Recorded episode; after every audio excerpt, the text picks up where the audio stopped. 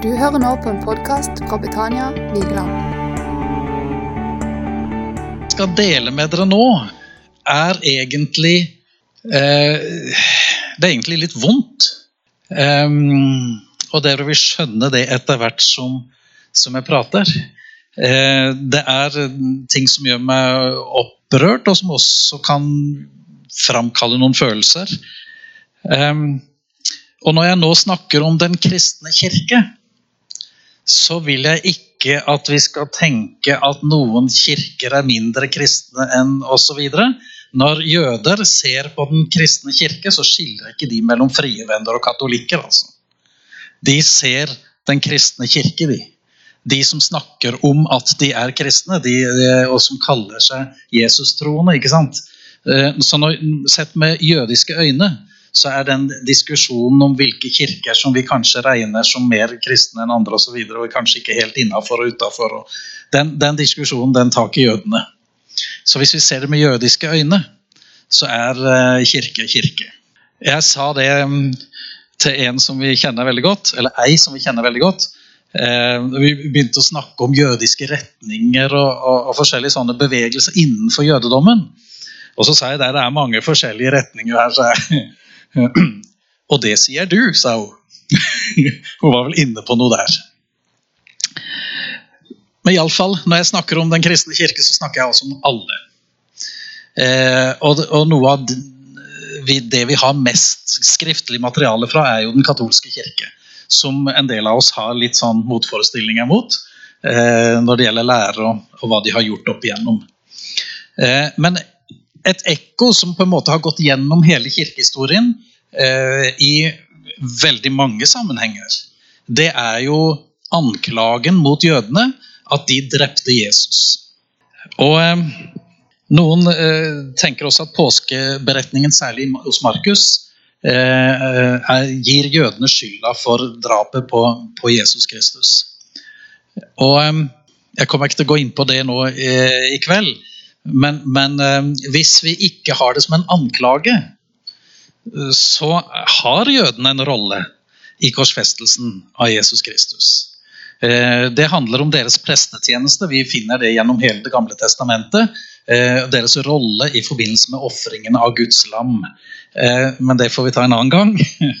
Det jeg skal snakke om nå, det handler jo om konsekvensen av en sånn anklage som har gått gjennom historien. Og det starter jo før den katolske kirke blir etablert. For en kar som heter Justin Martyr, f.eks. Han levde rundt år 100-165. Han sier følgende Det er rettferdig at trengslene kommer over dere, for dere har myrdet den rettferdige. Sier han om jødene. Det er rettferdig at dere opplever trengsler, fordi dere har myrdet den rettferdige. Og Ignatius av Antiokia skrev brev mellom år 70 og 107 om hvordan kirken er det nye Israel. En tanke som keiser Konstantin trykka til sitt bryst. Og Han sa at landet ikke lenger tilhører jødene. Fra nå av, sier han, så tilhører landet den kristne kirke. Og Her ser vi hvordan, hvor erstatningsteologien kommer fra. Den som altså er, Tanken om at vi som kristne erstatter jødene som Guds folk og, og også som eier av landet. Eh, og da eh, har jeg lyst til å nevne Barnabas-brevet òg, fra Syria, ca. 130 år etter Kristus.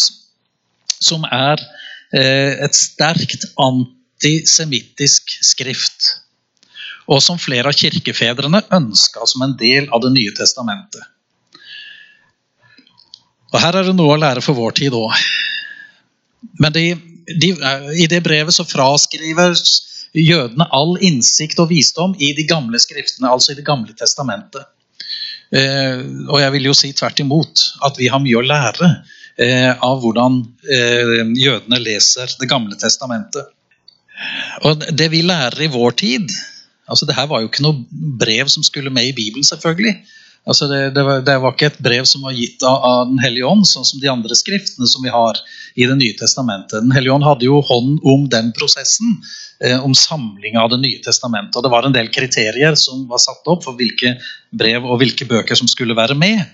Og, og, Det er en tanke å ta med seg også i dag, når noen krever at Thomas-evangeliet skal være med, for eksempel, eller andre sånne evangelier og gjerninger og åpenbaringer og, og, og sånn som de har funnet fra tidlig tid, som ikke er en del av Det nye testamentet, og som heller ikke er ment å være det. For hadde det vært ment å være det, så hadde Den hellige ånd også leda de som samla det her for all ettertid. For det var en prosess som selvfølgelig Gud hadde hånd om når, når alle generasjoner seinere skulle få, få, tak i Guds ord, så overlot han ikke det til et eller annet menneske i en eller annen komité. Han styrte deres tanker. Ikke sant? Jeg regner med at vi er enige om det. Et annet navn fra kirkehistorien, Johannes Krystastomos på 300-tallet. Eh, han var òg en sterk, sterk antisemitt. Og han eh, snakka om jødenes skjebne, altså i forbindelse med at tempelet og Jerusalem ble ødelagt, og at jødene ble spredt i år 135 etter Kristus pga. Eh, opprøret. Og da sier han at det er en straff for Kristusmordet. Eh, for jødenes forbrytelse mot Kristus så sier han det fins ingen soning, ingen ettergivenhet og ingen tilgivelse for dere. Hvis det var sant og hvis jødene skal anklages for å ha drept Kristus, Vær med i et sånt tankeeksperiment Hvis den anklagen er riktig, så er det likevel særdeles dårlig teologi. Er det ikke? Ingen soning, ingen tilgivelse.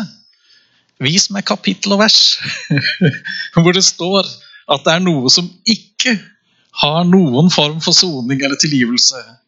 Altså det, jo, det her er jo mangel på innsikt i evangeliet.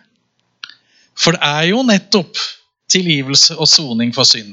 Så om det var rett å anklage jødene, så hadde det likevel vært en som hadde sona deres synd. Og det hadde vært tilgivelse. Men jødene skal ikke anklages for korsfestelsen av Kristus. De her tidlige oppfatningen, eh, om jødene de, de, blir jo brakt videre. og En kirkefader som f.eks. Augustin på slutten av 300-tallet, begynnelsen av 400-tallet. Eh, han, eh, han, var litt både òg, egentlig, for at han hadde fått med seg noe av det som Paulus også skriver om i romerbrevet, samtidig som han drar med seg holdningene fra, fra, de tidlige kirkefedrene. Eh, og de, de, oppfatter jo Judas f.eks. som et, eh, et bilde på jøden at når Judas eh, overgir Jesus på grunn av, på, for, for, de 30 sølvpengene, eh, så er det et bilde på hvordan jøden er, og hvordan jøden tenker. Det er, en, det er bedragere, det er folk som, eh, som karer til seg penger, eh, og, og, som er uærlige og gjerrige osv. Og, og noe av det her eh, støtter han. Eh, og i, i skriftet 'Traktat mot jødene' skriver Augustin at jødene bare har livets rett for i sin fornedrelse å være et vitnesbyrd om sin egen urett og om vår sannhet. La dem få leve blant oss, men la dem lide og bli ydmyket. Det er sterkt. Det er Jesu brødre vi snakker om. Representanter for kirka eh, prøvde også å forhindre eh, blandingsekteskap mellom jøder og kristne, da, eller ikke-jøder. Eh, og i det vi i dag kaller Frankrike, så ble det forbudt å gifte seg mellom jøder og kristne. Og mange steder så ble det også forbudt for jøder å eie jord. Og sånn fortsetter historien liksom, gjennom generasjoner etter generasjoner. På 1100-1200-tallet så utvikler det seg andre former for eh, myter og tanker om jødene. Eh, og En av de anklagene er eh, ritualmord. for Det er nemlig sånn at jødene de stjeler og kidnapper kristne barn, og så ofrer de dem ved høytidene deres. Det var et rykte som ble spredd. Og så stjeler de nattværbrødet og skjender nattværbrødet for å liksom skjende den kristne tro. Det var òg en av mytene på denne tida. Og mange jøder ble drept pga. sånne typer myter konspirasjonsteorier som florerte på den tida. Og dessverre så er det en del enda. I, eh, I, de kristne samfunna så var det vanlig å framstille jødene som jeg sa, som, som gjerrige og griske og eh, ikke til å stole på. Eh, med, med, Judas Iskariot som bilde.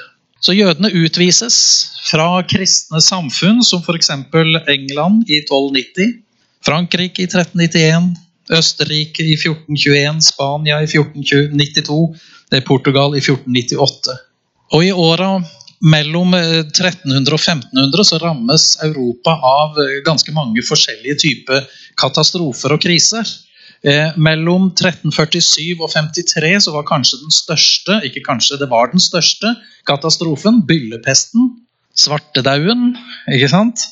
Eh, Ca. en tredel av befolkninga i Europa eh, døde eh, pga. svartedauden. Og den kom jo av en grunn. Eh, de fant jo ut hvem som var skyld i svartedauden. For det var nemlig jøder som hadde forgifta vannet, drikkevannet til den kristne befolkninga i Europa. Og Som et resultat av det så ble flere små jødiske samfunn utsletta. Jødene ble drept. Over hele Europa på, på 1300-tallet så ble jøder myrda. Og flere steder så, så ble de uh, utsletta, de disse samfunnene. Så gjør jeg noen hopp i historien. Jeg kan ikke ta hver generasjon. Men det fortsetter, det her. Og uh, jeg kommer ikke utenom Luther. Uh, han så mye godt, og vi har mye å takke Luther for. I frikirkelig sammenheng og i det norske samfunn, enten en er troende eller ikke. Så Luther gjorde veldig mye bra. Han, han brøyt med mye av ting som, eh, som, var veldig viktig at ble brutt i forhold til den katolske kirke og den, den makt som de hadde, og også en del eh, feil lære.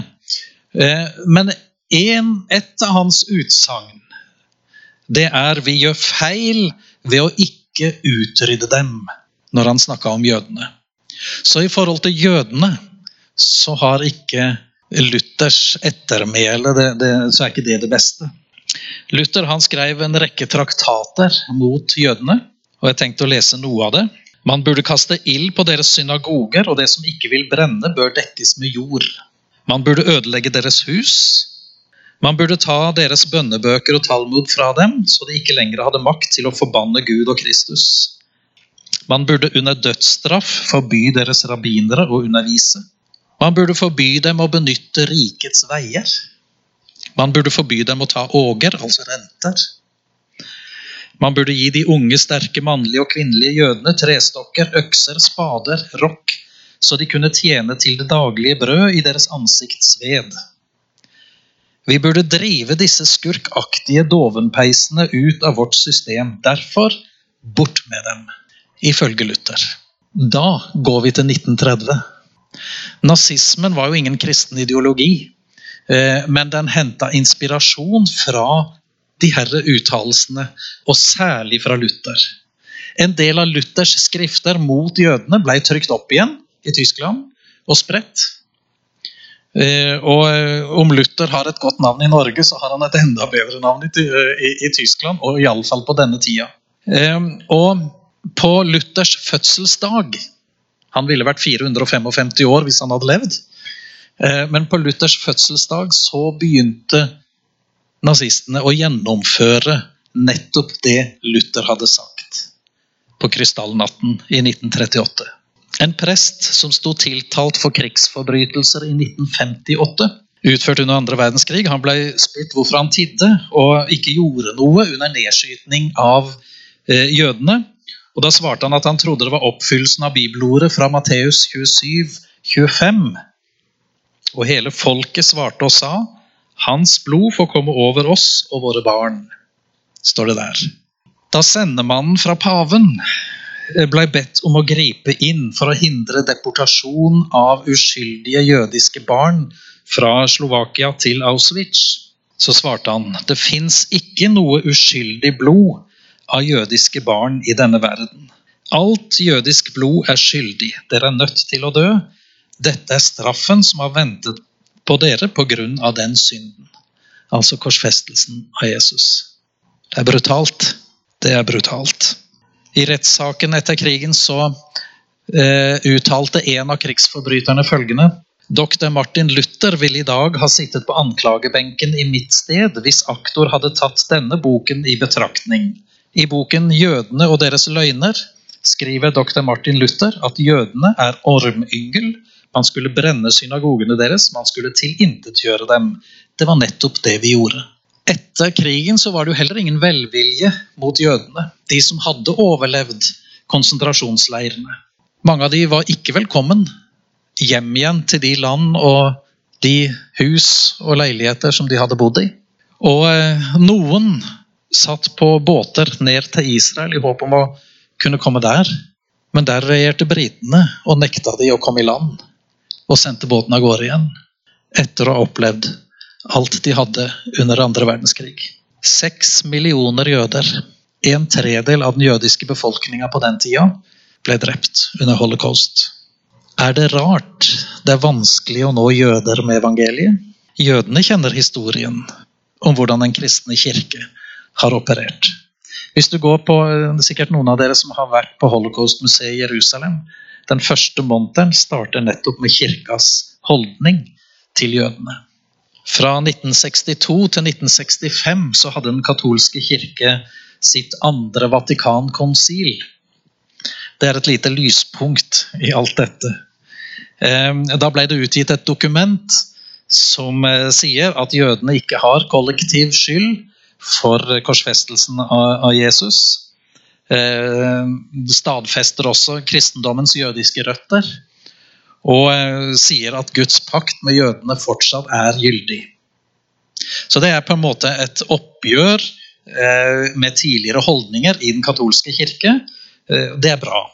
Samtidig så vet vi jo at det fortsatt er en god del antisemittisme også i den katolske kirke. Og så kan vi tenke at dette var historie. Eh, nå burde vi ha lært av historien. Eh, det er bare å åpne historiebøkene, så ser vi hva som er sagt og hva som er gjort. Alt dette kan hvem som helst finne eh, hvis de er interessert i å finne ut av hvordan har jødene blitt behandla opp gjennom tidene. Så nå har vi vel lært, da. Hvordan er situasjonen i dag? Hvordan er forholdet i dag til eh, jødene og Israel? Jeg ble fryktelig overraska når jeg så at den anglikanske kirke på New Zealand de hadde rensa sin sangbok for ordet Sion og Israel. Fordi de ikke ville assosieres med sionismen og dagens Israel. Så der alle de sangene som hadde Sion og Israel i, i seg, er blitt enten orda bytta ut med andre ord eller fjerna når de trykte opp ny sangbok. Da sitter det dypt. Og mange av de sangene handla jo rett og slett ikke om, om Israel eller sionismen. Den ortodokse kirke er òg veldig antisemittisk. Og så er det lett å snakke om alle andre. Eh, men også protestantiske kirker, da, som vi gjerne kaller eh, de som ikke er katolske. Jeg er ikke helt med på den, eh, de betegnelsene her, men, men i Kirkens verdensråd så sitter iallfall Den norske kirke, som flertallet av nordmenn tilhører, eh, og en rekke andre protestantiske kirker. 350 medlemskirker i 120 land, 580 millioner kristne medlemmer. Eh, I Norge så er det da, I tillegg til Den norske kirke så er det også metodistkirka, den anglikanske kirken, russisk-ortodokse kirke og en del mindre kirker.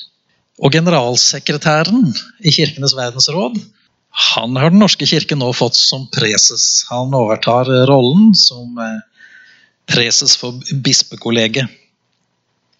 På Kirkenes verdensråds nettside så står det først en liten eh, definisjon. Situasjonen i Israel og Palestina er et av flere bekymrede fokusområder for Kirkenes verdensråd.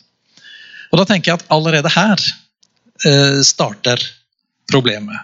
For her sammenlignes altså en anerkjent nasjon, Israel, som riktignok innen Vi kan diskutere grensene, men, men eh, det er iallfall et land som er anerkjent av, av eh, FN og, og, verden for øvrig. Eh, en nasjon sammenlignes altså med noe som aldri har vært en nasjon eller et land, og likestilles. Så allerede i, i starten her så er det et problem. Og så står det videre Kirkenes verdensråd har et mangeårig politisk standpunkt om å boikotte varer og tjenester fra bosettinger i okkuperte palestinske territorier. Det er et eh, kjempeproblematisk eh, utsagn. For her framgår det altså tydelig at den kirka som flertallet av nordmenn er medlem av gjennom Kirkenes verdensråd, oppfordrer til politisk boikott av varer og tjenester som er produsert av jøder i Judea og Samaria. Populært kalt Vestbredden. Og hvorfor er det et problem? Jo, for bak den tanken så er det jo en tanke om at det skal ikke bo jøder i Judea og Samaria. Hvis vi ikke handler med dem, så vil det jo ikke være noe å leve av der, og altså må de flytte. Det skal være jøderent. Det skal ikke bo jøder der. Og eh, det er til forveksling likt tanken fra 30-tallet. 1930-tallet. Eh, jødene skal ikke være der. Tyskerne kalte det for Judenrein, eller jøderent. Og det førte til drap på seks millioner jøder. Det skal ikke bo jøder der. Og da må vi jo rense Judea og Samaria, da. Kjerneområdet som ble gitt gjennom Abraham. Eh, hvis det er et innspill for å skape fred, hvis tanken er at hvis vi bare får oppretta en arabisk stat, palestinarabisk stat der, får ut jødene, så skal det bli fred. Hvis det er tanken, da burde en naturlig konsekvens være at de også mente at araberne skulle ut av Israel. Sånn at det skulle være en jødisk nasjon, og så skulle du ha en arabisk nasjon. Ikke sant? Men det har jeg aldri hørt noen si.